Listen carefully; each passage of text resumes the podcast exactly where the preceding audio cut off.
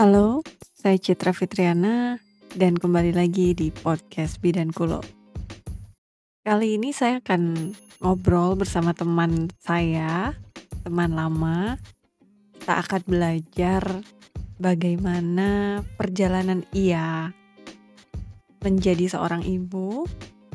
Kita akan belajar dari proses perjalanan dia dalam berduka kehilangan seorang anak dan kita akan belajar bagaimana ia bertumbuh dan bangkit kembali. Oke. Halo Tak. Halo, Assalamualaikum. Waalaikumsalam warahmatullahi wabarakatuh. Oke, saat ini saya sudah bersama teman saya, teman dari SMA ya Tak. Oke. Iya, jadi kita mau ngobrol-ngobrol. Eh, sebelumnya terima kasih banyak. I'm so happy. See you again. Saya lebih happy ketemu Teta malah. Jangan gitulah. iya, apalagi kita mau ke rumah gitu ya. Biasanya kan eh, aku yang mengunjungi atau kita ngobrol di mana gitu. Tapi ini kita yang mau aku aja yang ke rumah. Oh, dengan senang hati. Biar ada hiburan. Oke. Aku ngikutin eh kehamilan Ita. Perjalanan aku. Iya, eh, ngikutin maksudnya eh, aku tahu Ita nikah eh, dan proses menunggu kehamilan itu seperti apa, selama apa dan pada akhirnya Ita hamil, alhamdulillah dan bisa melahirkan. Tapi qadarullah eh, sesuatu terjadi di luar Harapan. di luar harapan Ita dan keluarga takdir Allah ya Iya. eh, berkata demikian. Aku lihat perjalanan Ita untuk bisa sampai hari ini juga luar biasa. Makanya aku pengen ngundang kita untuk ngobrol di podcastnya Bidan Kulo. Jadi aku seneng banget Ita mau ngobrol di sini. Oke nah tak kita mulai nih. Eh, dulu waktu nikah sampai hamil itu eh, gimana perjalanannya Ita untuk bisa hamil boleh diceritain Kalau untuk perjalanan hamil itu saya cukup lumayan lama ya Iya. nanti Eh, sekitar empat tahun itu kosong Mm-mm. gitu kan. Ya itu eh, selama empat tahun itu ya ikhtiar sana sini ikhtiar sana sini ya Iya. akhirnya di tahun keempat gitu itu juga nggak sengaja habis jalan-jalan eh, apa namanya ya gitu. Kita juga nggak tahu itu malah nggak nggak ada nggak ada apa namanya nggak ada program sama sekali gitu kan. Yang yang kemarin-kemarin program malah nggak berhasil giliran yang yang ini santai malah berhasil gitu kan. Di luar ekspektasi. Di luar ekspektasi Iya, gitu. iya. memang kadang seperti itu ya. Iya Eh, di saat kita emang udah bener-bener ikhlas ya buktinya nggak nyangka gitu loh yang dulu ah bener nggak sih ini prospek? Kok kayaknya nggak percaya nggak gitu percaya gitu sampai beberapa beberapa kali gitu kan gitu. Sampai akhirnya yakin oh iya bener nih aku hamil. Iya. nah Gitu. eh, empat tahun itu eh, Ita hidup bersama kan ya? Maksudnya bukan LDR atau ya eh, LDM gitu ya dan memang eh, udah ikhtiar sana sini gitu. Dan Allah memberikannya di saat Ita sedang sedang lagi santai-santainya lagi lagi apa namanya nggak terlalu ya udahlah mikirnya kalau eh, sekarang nggak berhasil ya udah saya udah nggak mau apa namanya eh, ya udah nggak mau berusaha udahlah biarin se- sedapatnya aja mau tahun keberapa tahun keberapa gitu kan sudah. Iya iya. Berarti di titik pasrah iya di Ita titik ya. pasrah. Begitupun suami? Ya sama. Gitu. Ya bilang aduh ini udah kakak udah punya anak. Nah, sedih sih sedih. Cuman tapi ya mau gimana gitu kan. Ya udah di saat ya tahun-tahun itu udah niat hati emang udah nggak mikirin udah mau dikasih ke tahun keberapanya juga udah terserah gitu kan. Udah udah pasrah saat itu. Eh ternyata saat pasrah ya Allah ngasih keajaiban? Iya iya iya. Luar biasa emang itu perjalanan hamil kita Iya. ya. Maksudnya dari dari sebelum hamil sampai hamil. Nah ketika hamil uh, bagaimana perasaannya Ita? Ya awal nggak nyangka sih. Iya nggak nyangka. Nggak nyangka gitu. begitu menjalaninya? Menjalaninya alhamdulillah happy. Nggak nggak ada keluhan sama sekali gitu kan. Mhm.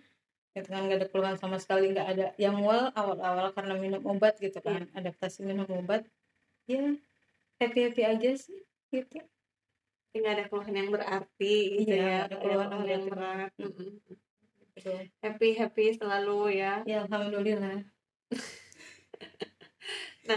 Eh, ketika mendekati HPL boleh diceritain hmm, experience apa yang kita lalui? Pengalamannya gimana maksudnya hamil pertama hamil yang dinanti-nantikan terus mendekati hari taksiran nih persalinan. Gimana perasaannya kita perasaan sih lebih ke santai juga sih ya. Santai juga? Santai gitu kan. Ya sebelum mendekati HPL kan eh, kita berdua emang Iya.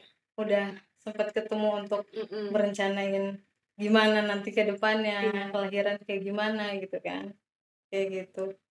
Ya apa sih yoga kemarin bareng Tete juga emang bermanfaat sekali ilmu-ilmunya kemarin tuh gimana waktu apa sih mendekati HPL itu harus bagaimana harus bagaimana. Ternyata bisa dibilang itu kisi-kisi juga. Tapi semuanya. Ya buyar Iya, iya, iya, iya, iya. Aku lihat kita juga sangat eh, excited sekali, Iya. sangat eh, well prepared gitu kayak aku aku mau nyiapin ini teh dan aku seneng banget gitu ngeliat Ita yang sangat-sangat bersemangat gitu untuk mempersiapkan kelahirannya. Tapi aku darullah ya tak, maksudnya eh, kita sudah berupaya, sudah berikhtiar, balik lagi hasil akhir Allah yang menentukan. Nah, eh, setelah itu eh, kalau boleh tahu Dede tuh lahir di weeks keberapa?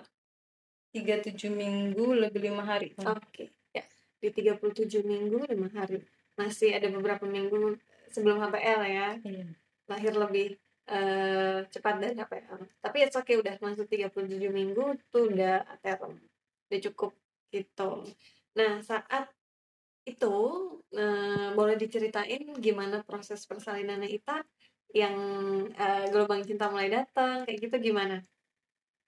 kalau dibilang belum apa sih kontraksi awal awal itu ya lebih ke demam sih tak lebih ke demam. Oke. lebih ke demam. Cuman demam itu malam jam 12 malah jam 12 malam demam.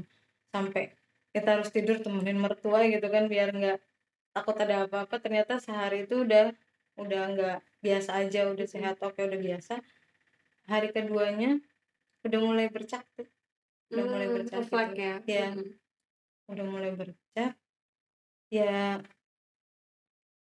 Demamnya turun. demamnya turun udah turun gitu cuman bercak terus besoknya lagi eh, ya pas bercak tuh langsung ke bidan kita sih bilang bidan bilang ke bidan eh ya gimana ya Udah pembukaan. Eh, udah cuman ya masih nunggu lah nanti kan Oh, satu dua itu. kan eh, gitu kan. Hmm, apalagi yang pertama gitu kan. Mm, cuman bidan emang udah ini kalau misalnya sekarang paru-parunya apa namanya udah kuat apa belum gitu kan. Sebenarnya udah ada apa Apa namanya tanda-tanda tanda gitu kan. Apa tuh ya tanda-tanda. Ya bidan ngomong kayak gitu terus udah ada tanda-tanda. Ya harusnya lebih itulah kita harus lebih perhatian Oke. gitu cuman ya kadang kita masih di bawah santai saking santainya jadi nggak itu saat bener-bener sakit pun juga eh udahlah santai gitu masih bisa SMS teh ini udah mulai apa namanya udah sering mules nih gitu kan Iya. yang buat nganu apa sih aplikasi kontrasi Iya, apa iya, ya gitu iya. kan Hmm, udah tuh sama bidan juga udah udah udah masih Masih kontak-kontakan. ya masih Hmm. kontak-kontakan kayak gitu udah nih santai aja kata itu tuh apa namanya sambil sambil bacaan dulu aja gitu kan kalau belum beberapa menit ya udahlah ya tak masih santai tuh Hmm, tidur dia sempat istirahat tuh pecah ketuban Oke. Jadi- nah dari sana terus eh, saat itu kan kita cerita juga sama aku ya.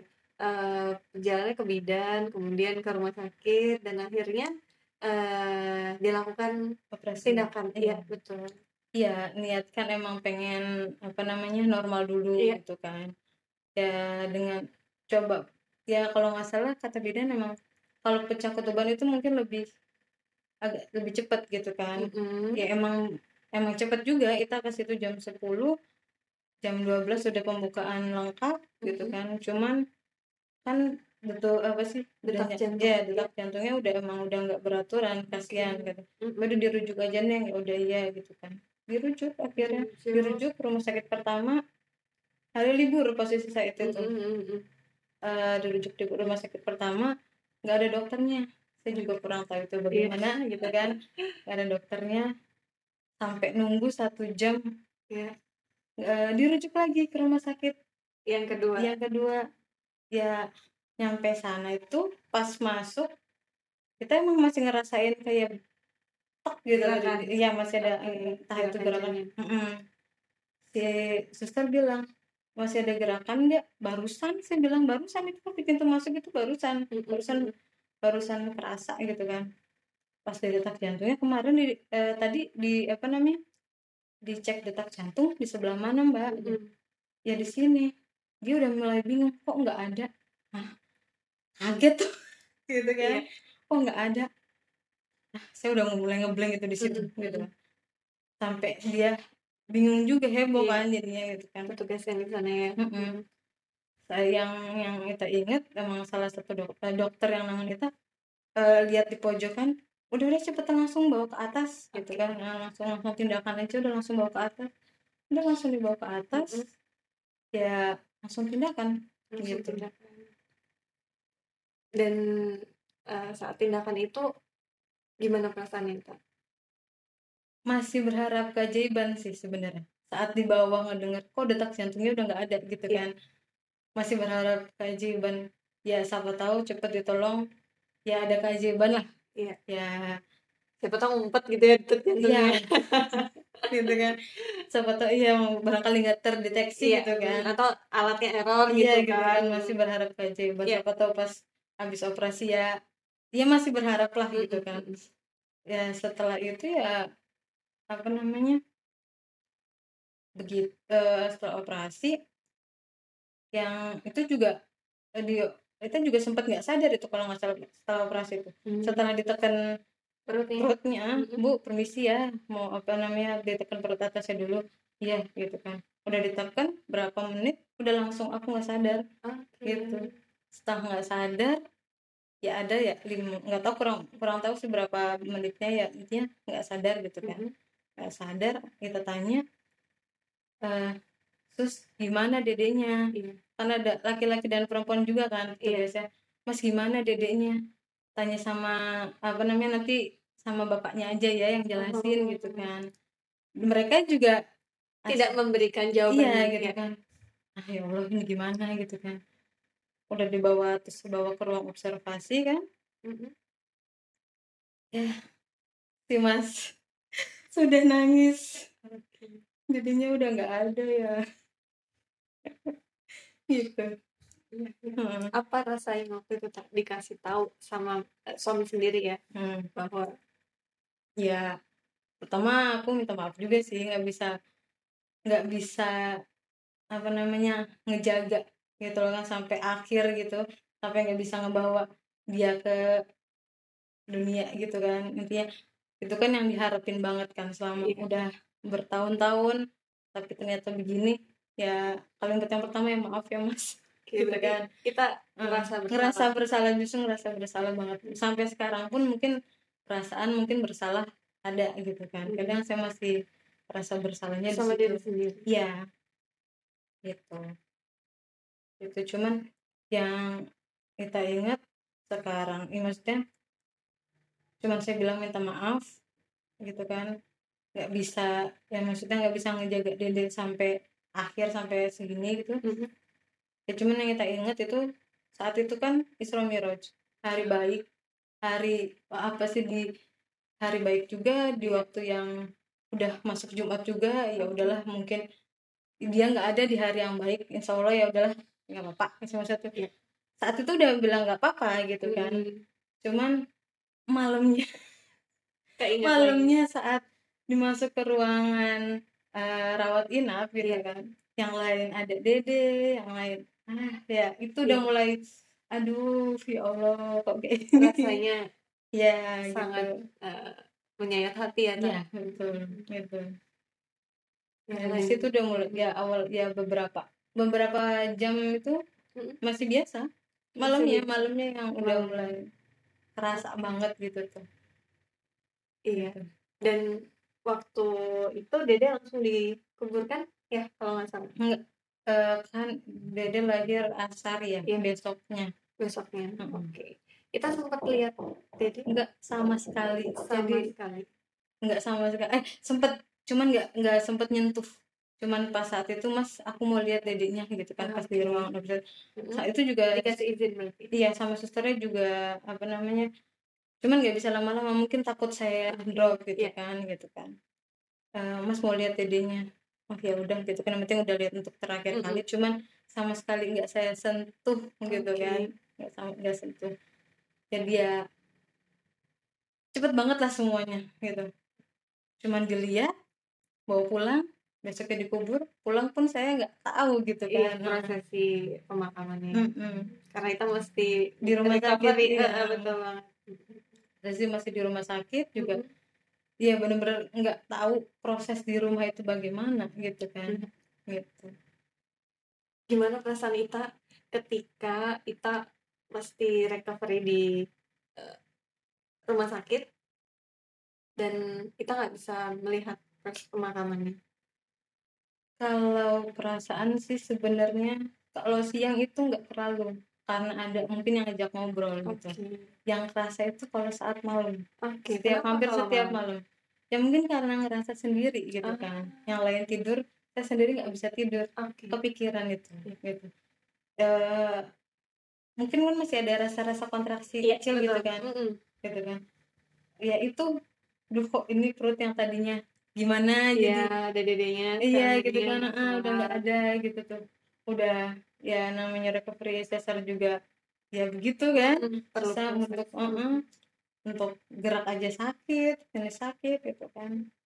Ya gitu yang lebih kerasa itu sebenarnya pas nyampe rumah.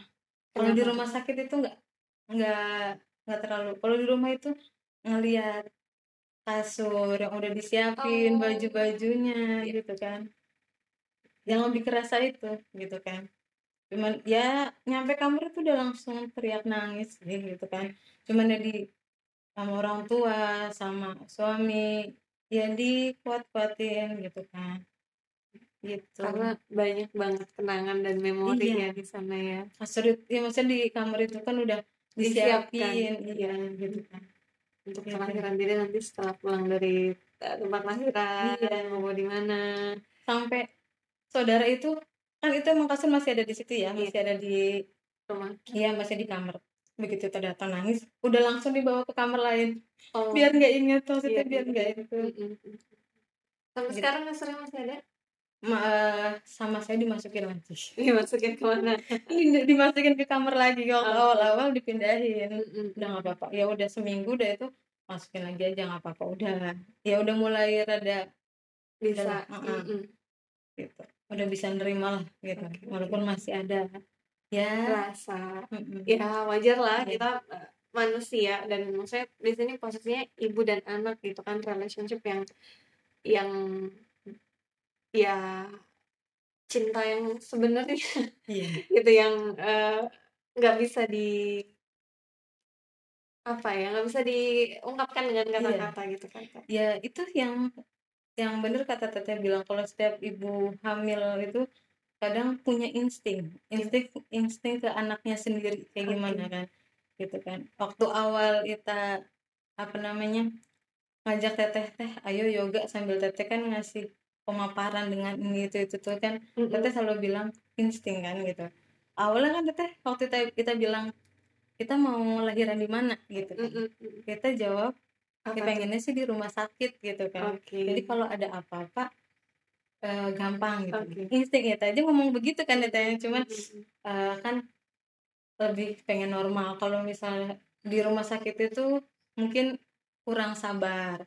Kalau bidan kan mungkin lebih sabar. Jadi mungkin ya udah kita coba di bidan aja dulu. Eh ternyata ujung-ujungnya di rumah sakit juga gitu kan. Iya iya iya. Jadi emang udah dari awal insting insting kita kita pengen ah pengennya di rumah sakit gitu kan tapi berbelok udah coba di ke bidan dulu gitu Iya, kan iya, iya. jadi ya itulah Tapi saya menyesali nggak ngikut insting gitu kan Oke oke dan maksudnya aku baru tahu ternyata insting kita tuh ke rumah sakit. Iya. Saat itu kan maksudnya kita ngobrolnya ngobrol kayak ya kita maunya gimana iya gini, plan gini. melahirkan pengen melahirkan begini begini kan Tapi aku maksudnya bener-bener nggak tahu bahwa instingnya Ita adalah ke rumah sakit. iya awalnya pengennya sebegitu jadi kalau Mm. ada apa-apa gampang gitu kan Oke. gitu kan ya itulah awal-awal oh iya ya yang teteh bilang kalau setiap ibu hamil itu insting ke anaknya itu kapan dia mau melahirkan dan kapan ini tuh nyambung gitu loh gitu kan Oke. yang mulai dari situ lah namanya mungkin a- a- ibu sama anak ke depan instingnya kuat tuh ya mulai dari situ juga gitu kan gitu. Oke. Aku jadi merinding. jadi ingat eh, momen di mana kita ngobrolin itu. iya gitu. gitu. ya dipikir-pikir oh iya ya dulu begini ya dulu begini gitu tuh kan ternyata dan bener juga ya omongan teteh tuh begini gitu kan Iya nggak selamanya benar. iya sih mungkin ada ada benernya Ada benang merahnya iya, bener. Oke oke. gitu Iya luar biasa ya tak. Setelah Ita melalui eh, minggu-minggu awal nih minggu-minggu awal kan maksudnya sangat-sangat eh, imbalance ya dari ibu nifasnya aja nih mau ada bayinya itu imbalance. Artinya maksudnya hormonnya sangat-sangat eh, Iya, fluktuatif banget. Mm-mm. dan apalagi ditambah eh, Ita kehilangan bayi Ita gitu. Itu aku rasa gak mudah Iya. dan kita bisa Eh, di posisi itu gitu. minggu-minggu pertama itu masih dua tiga hari setiap malam itu selalu kebangun selalu nangis gitu Oke. kan posisi juga kan eh, tidur nggak didampingin suami kan suami Mhm. kan lagi usaha kan Mm-mm. gitu selalu WA kayak gitu kan selalu "Eh, mas aku nggak bisa tidur apa namanya masih kepikiran malah justru dimarahin dalam arti dimarahinnya yang sedih juga bukan kamu aja kalau kamu kayak gini Iya. saya juga Mas kayak juga. gimana gitu kan kayak gitu ya dua hari tiga hari sih masih selalu kebangun malam gitu kan Iya. nggak bisa tidur gini kan selalu kepikiran nangis malam oke itu udah satu minggu udah rada berkurang eh cari hiburan sendiri lebih kita lebih cari hiburan sendiri Mm-mm. kayak nonton komedi kayak Mm-mm. gitu kan ya itu udah mulai berkurang berkurang sampai 40 hari udah oh iya gitu kan ya udahlah ini posisi maksudnya udah nggak ada ya harus bisa coba mengikhlaskan gitu kan Mm-mm. itu rasanya juga emang udah sedikit ya per- perlahan-perlahan sih Iya, gitu iya, kan gitu. ya. Mhm. Mm-mm. gitu. Dan sekarang udah berapa? Udah ada satu tahun. udah satu tahun Oh, udah satu tahun. satu tahun Nah, gimana perasaan Ita setelah eh, melewati satu tahun ini? satu tahun Ada beda kah dengan awal-awal? Ya ada Oke. jelas ada banget gitu Oke. kan awal-awal emang ya sebe- eh, apa namanya sebulan kadang kadang ngerasa kuat Iya. kadang masih ngerasa aduh kangen ya Allah kayak gini kan masih ngerasa Iya. ya itulah Up and down. iya ya. gitu tapi udah tiga bulan ke sana Mm-mm. itu udah udah sedikit berkurang lah Mm-mm. ya kalau kangen-kangen itu aja wajar, wajar gitu kan banget. gitu kan cuman ya banyak banyak support yang itulah banyak nasihat gitu jadi yang bikin kita kuat juga ya lingkungan lingkungan sekitar juga gitu kan gitu. Keluarga terutama suami ya, ya. iya ya awal-awal yang lebih sedih itu Apa? pas awal-awal pulang ke rumah itu yang bikin ngedon ngedon banget Mm-mm. gitu ngelihat suami pulang jualan pulang Mm-mm. usaha nggak ada kerjaan lagi yang harusnya dia udah bisa apa namanya ngera- ngegendong anak Oh. gitu kan bisa bisa ikut. iya gitu kan yang udah niatnya maksudnya ih tahun ini mungkin udah seneng ya dia Mm-mm. gitu kan Mm-mm. udah ada anak ngelihat dia nggak ada kerjaan lagi gitu kan aduh yang bikin itu sedih-sedihnya banget gitu lah gitu Iya, iya. Berarti emang eh, suami dan kita merasakan kehilangan yang Iya. dalam ya dan eh, struggle, maksudnya eh, sama-sama untuk bisa berdiri kembali gitu iya Dan- justru yang lebih malah lebih kehilangan itu dia seperti itu Oh ya? iya Kenapa? dia yang bawa dia yang lihat gitu kan dia yang bawa dia yang gendong dia yang nguburin Mm-mm. gitu kan sampai pas pulang dari rumah sakit pun ya sepanjang rumah sakit aja dia nangis kan sampai mungkin orang katanya ngeliatin gitu kan Mm-mm. sampai pulang pun gitu sampai pulang pun dia eh kuat enggak ya apa sih sama ibu mertua bilang. Aa masih kuat enggak nyetir sendiri posisi posisi saat itu kan emang bawa mobil kan. Mm-mm. Aa masih kuat enggak nyetir sendiri? Kalau Mm-mm. enggak ya udah biar orang, lain aja iya, gitu, gitu kan. Udah nggak apa-apa mah kata dia tuh bilang gitu. Ya sepanjang perjalanan nangis seseguk kayak gimana? Kayak gitu. Sampai itu kan ditemenin sama mertua sama bibi juga kan. Mm-mm. eh Apri masih kuat enggak gitu kan. "Ya, masih kuat tapi ya tetap perjalanan nangis Mm-mm. gitu. Iya. itu yang lebih duh ya Allah kok kayak gini banget? Kan sampai dia ya mungkin dia ngerasa ngeliat ngerasa Oke. ngerasa nguburin itu yang Hmm. lebih itu si si masih lebih, Lebih. daripada ini ya sama momen-momen Iya. ini perpisahan sama Nadia. mm. perjalanannya Ita dan suami eh, kehilangan dan melepaskan gitu ya. Gimana caranya Ita dan suami bisa bangkit? Selain tadi gimana di minggu-minggu awal, oke aku mulai lihat tontonan komedi Iya, dan yang bikin selain- senang gitu Mm-mm.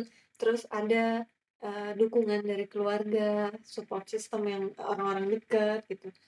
Uh, tapi ada nggak maksudnya turning point atau aha moment gitu ya bahasanya kayak ini nih yang bikin aku Eh, mm-mm, yang Yang bikin kuat sampai sekarang. kuat sampai sekarang. Ada nggak? yang bikin aku kuat itu sebenarnya eh, dari awal hamil itu Mm-mm. Gitu kan kalau dipikir-pikir ke belakang Iya. kita saat hamil tuh le- eh, apa namanya berharap ya maksudnya mungkin bukan kita aja semua Mm-mm. semua ibu Ibu. hamil ah, gitu pengen anak yang soleh gitu kan Oke. kita ingat saat itu kita ngedengar ceramahnya Ustadz Hadi Hidayat gitu kan Eh, dia bilang berapapun maksudnya selama empat bulan pertama itu doakan yang baik-baik ya kan gitu kan Selama hamil ya. iya gitu kan empat bulan pertama doain untuk rezekinya apa Mm-mm. namanya eh, umurnya gitu kan ke depannya gitu kan Eh, Ustadz itu bilang berapapun eh, apa namanya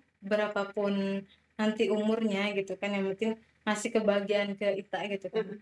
kita kita emang doa begitu kan ya kita pikir lagi kita pengen apa sih kita ngarepin anak yang soleh Iya. Allah udah ngejawab semua doa-doa kita kan Mm-mm.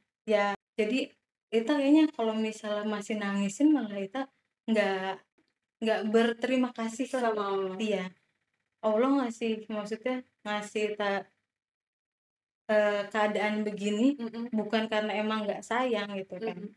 itu ya Ita berharap anak soleh insya Allah dia pun soleh kan namanya anak masih suci insya Allah Iya. bisa ngasih syafaat Iya. gitu kan belum tentu orang lain pun punya Iya. belum tahu orang lain pun kayak gimana Iya. gitu kan jadi ya harusnya kita lebih bersyukur bukan kita lebih enggak malah meng ya menyalahkan diri sendiri gitu kan gitu jadi ya buat kayaknya emang doa doa kita sebelumnya kita pengen punya anak yang soleh pengen punya Mm-mm. anak yang kayak gini Mm-mm. Allah udah ngejawab gitu Iya. kan Insya Allah belum tentu kalau emang dari lahir pun nanti keadaannya bagaimana gitu Mm-mm. kan belum eh sif- maksudnya eh, kan namanya pergaulan ke depannya juga kayak Iya, gimana kita gitu belum kan tahu. belum tahu justru Allah kan ya itulah Allah kan mahal lebih tahu tuh Iya Gitu. betul. Gitu. Luar biasa. jadi ya menurut kita kayaknya kalau saya lebih apa namanya meng itu terus kayaknya saya nggak pantas sebanyak nikmat Allah yang saya kasih gitu kan Allah yang kasih gitu kan belum tentu orang lain pun punya apa namanya kesempatan kayak gini Iya. tinggal akunya yang eh, apa namanya mikir kayak gimana ke depannya gitu kan gitu dan ternyata itu yang membuat eh, Ita bertahan sampai hari Iya. ini iya iya. memang kadang eh, boleh sedih tapi nggak boleh meratapi gitu Iya. kan gitu kan Setuju.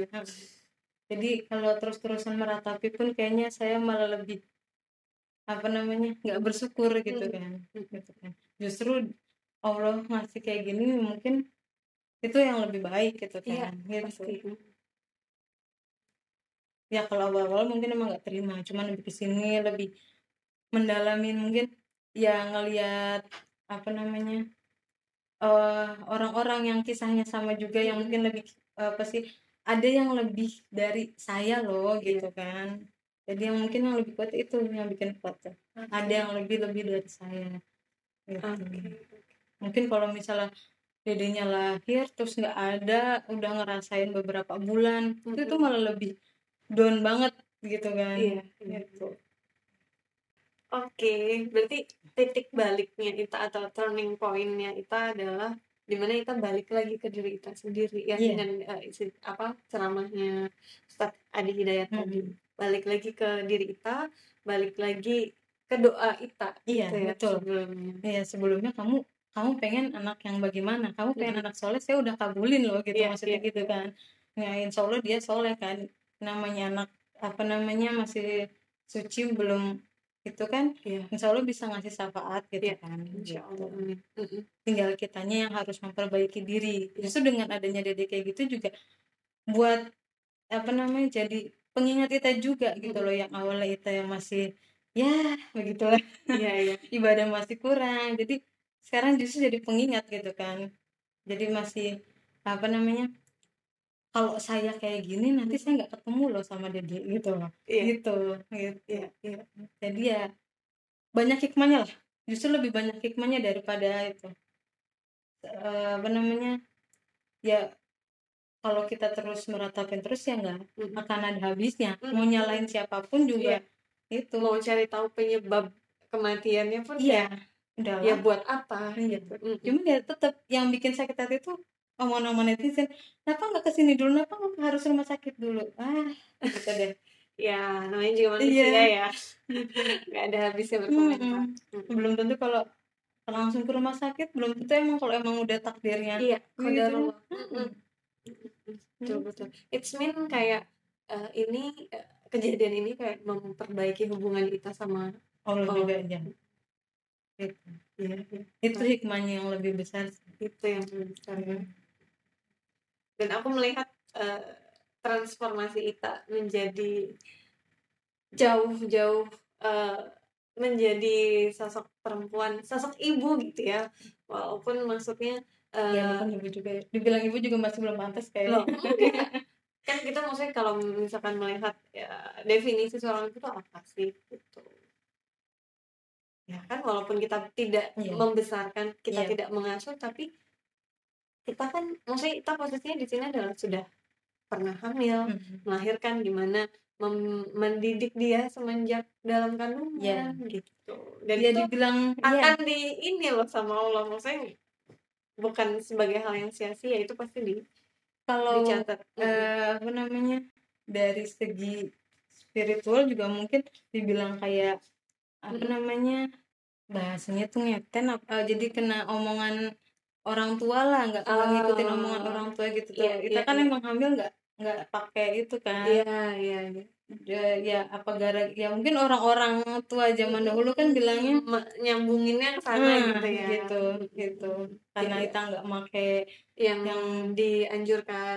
Ya gitu kan. It's okay. Ya itu tadi kalau kita mencari tahu penyebabnya itu tuh malah kayak jadi ini salah, itu salah, apa segala macam bukan malah tambah menerima gitu Mm-mm. apa yang Allah takdirkan. Wow. Kisah hidup yang hmm, sangat dalam dan maksudnya nggak banyak ibu-ibu yang mengalami ini eh, karena kehilangan saat eh, proses persalinan itu jadi momen yang eh, apa ya nggak bisa diungkapin dengan Iya. kata-kata gitu Ya. belum lagi setelah melahirkannya itu dibilang eh, ya yang orang-orang bilang kalau baby blues post apa sih depresi postpartum itu bahaya yang begini ini gitu kan. Mm-mm. kalau misalnya nggak ada support ya iya. begitu mm-mm. gitu. Betul betul betul. Mm. ya alhamdulillahnya kita punya dukungan punya support system yang eh, baik gitu untuk bisa melalui ini. Termasuk teteh seperti semen itu ada kan yang selalu yang selalu ngasih teh ini kayak gimana? Teh ini kayak gimana? Iya, iya. aku juga senang maksudnya bisa mendampingi kita ya walaupun aku nggak tahu se segimana pengaruhnya gitu tapi aku banyak repotin ya teh? Enggak sekali.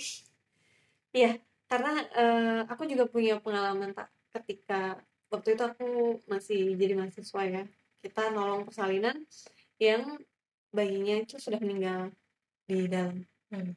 Dan proses persalinannya memang beda gitu ketika bayi lahir di mana biasanya ada suara tangisan bayi di situ yang ada hanyalah em, keheningan. Iya betul. Keheningan. Begitu ketika diberitahu ke ibunya hmm, jadi pecah. Iya jadi apa namanya bingung gitu loh. Iya. jadi udah nggak hilang apa sih nggak tahu mikir iya ngambang gitu ngambang pikiran jalan. pikiran ngambang iya pikiran Iya, iya. ngambang gitu. Iya, iya. saya udah nggak ada pikiran sama sekali hah? Iya gitu doang hah? Gitu beneran kan. gitu Iya, tuh beneran gitu kan. Itu doang. Oke. Justru perhatian perhatian orang-orang sekitar itu yang mungkin bisa lebih kuat gitu. Iya kan iya Gitu. iya iya iya, gitu ya. Justru jangan ditambah dengan kenapa nggak kayak gini? Kenapa nggak kayak gini? Ya. Itu yang bikin kadang tambah drop itu tuh. Iya. Udah udah sih ya kuat. Mm-mm. diomongin begini hmm, gemes Oke oke oke oke. Ya eh, nggak kerasa nih Ta, kita udah 30 menit udah ngobrol ya.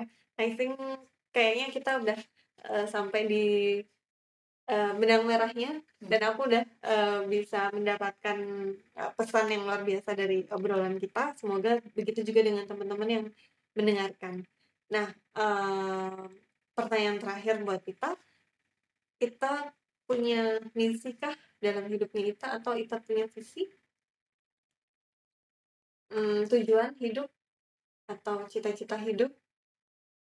Atau eh, dalam perjalanan kita ke depan kita pengen seperti apa gitu? Boleh di share aku mah orangnya ngalir-ngalir aja. Aku Oke. orangnya ngalir-ngalir aja sih jadi ya cuman eh, hikmahnya dari ini ya jadi nanti kalau ke depan harus bagaimana ya gitu kan gitu Oke, oke. Cuman eh, kalau dibilang saya sudah mengikhlaskan sudah, cuman traumanya masih belum hilang gitu Oke. kan gitu. Untuk nanti ke depan nanti saya ambil lagi bagaimana, bagaimana itu masih terngiang-ngiang sampai sekarang gitu kan. Jadi eh, yang bener kata Teteh bilang, Allah bakal ngasih kalau saat mental dan fisik kita udah kuat gitu kan. Kalau mentalnya masih begini ya mungkin sampai sekarang saya belum dikasih pun karena mental saya masih belum kuat gitu kan. mungkin Mungkin, gitu Ya, ya, ya. jadi ya jalanin aja Oke, nah eh, satu lagi nih, mungkin pesan-pesannya Ita buat teman-teman pendengar, calon ibu maupun mungkin ibu yang sudah pernah melahirkan, apa pesannya untuk mereka? ikutin insting Oke, ikutin nah insting gimana? Saat itu. Hmm, Oke, ikutin instingnya. Gimana eh, kita merasakan bahwa ini insting atau membedakan eh, insting dan keinginan? Nah, gimana? Tak? Boleh di-share dulu. kalau keinginan itu lebih dari awal ya cuman kalau insting itu lebih ke spontan kayaknya ini ke sini deh gitu Ah, gitu kayaknya ini begini deh gitu Oke. gitu Iya, iya, iya. Gitu. Jadi Lagi lebih saat- kayak petunjuk gitu ya? iya lagi saat saya kontraksi pun Mm-mm. apa namanya sempet itu kenapa nggak ke rumah sakit aja dalam hati itu pas lagi perjalanan itu sendiri dalam hati sendiri gitu kan eh ayo ke bidan gitu kan awalnya emang mau ke bidan kan emang rencana kita dari awal itu keinginan kita Iya. mau ke bidan Mm-mm. cuman pas saat saya di eh, dibawa gitu kan kenapa nggak ke rumah sakit ini aja sih langsung biar biar langsung ditanganin gitu Iya. kan karena lebih ke egonya saya saya pengen ke bidan dulu gitu Iya. kan ya jadi memperlama gitu kan Ah. coba kalau ikutin insting kayaknya kalau ya nggak kalau juga sih kalau misal emang udah kodarullahnya begitu Iya, kan iya, iya. yang balik lagi lebih ke insting lah Oke, oke. Gitu. Right. saat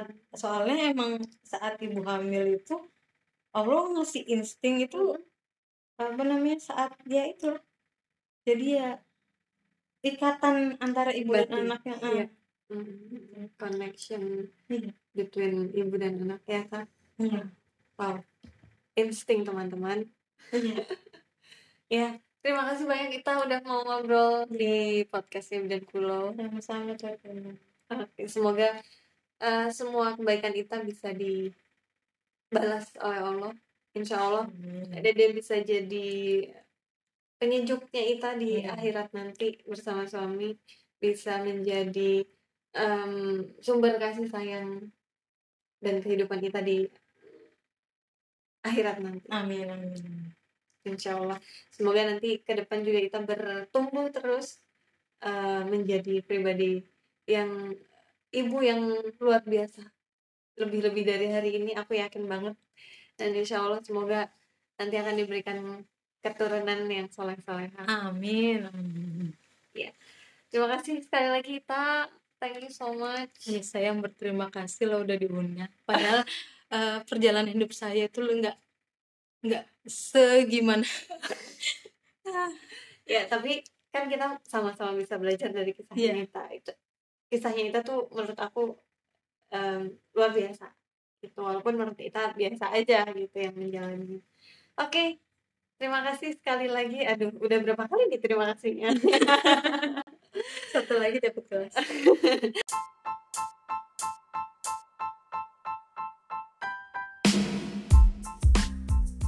Baik, itu tadi obrolan saya bersama Ita. Semoga bisa bermanfaat dan memberi dampak.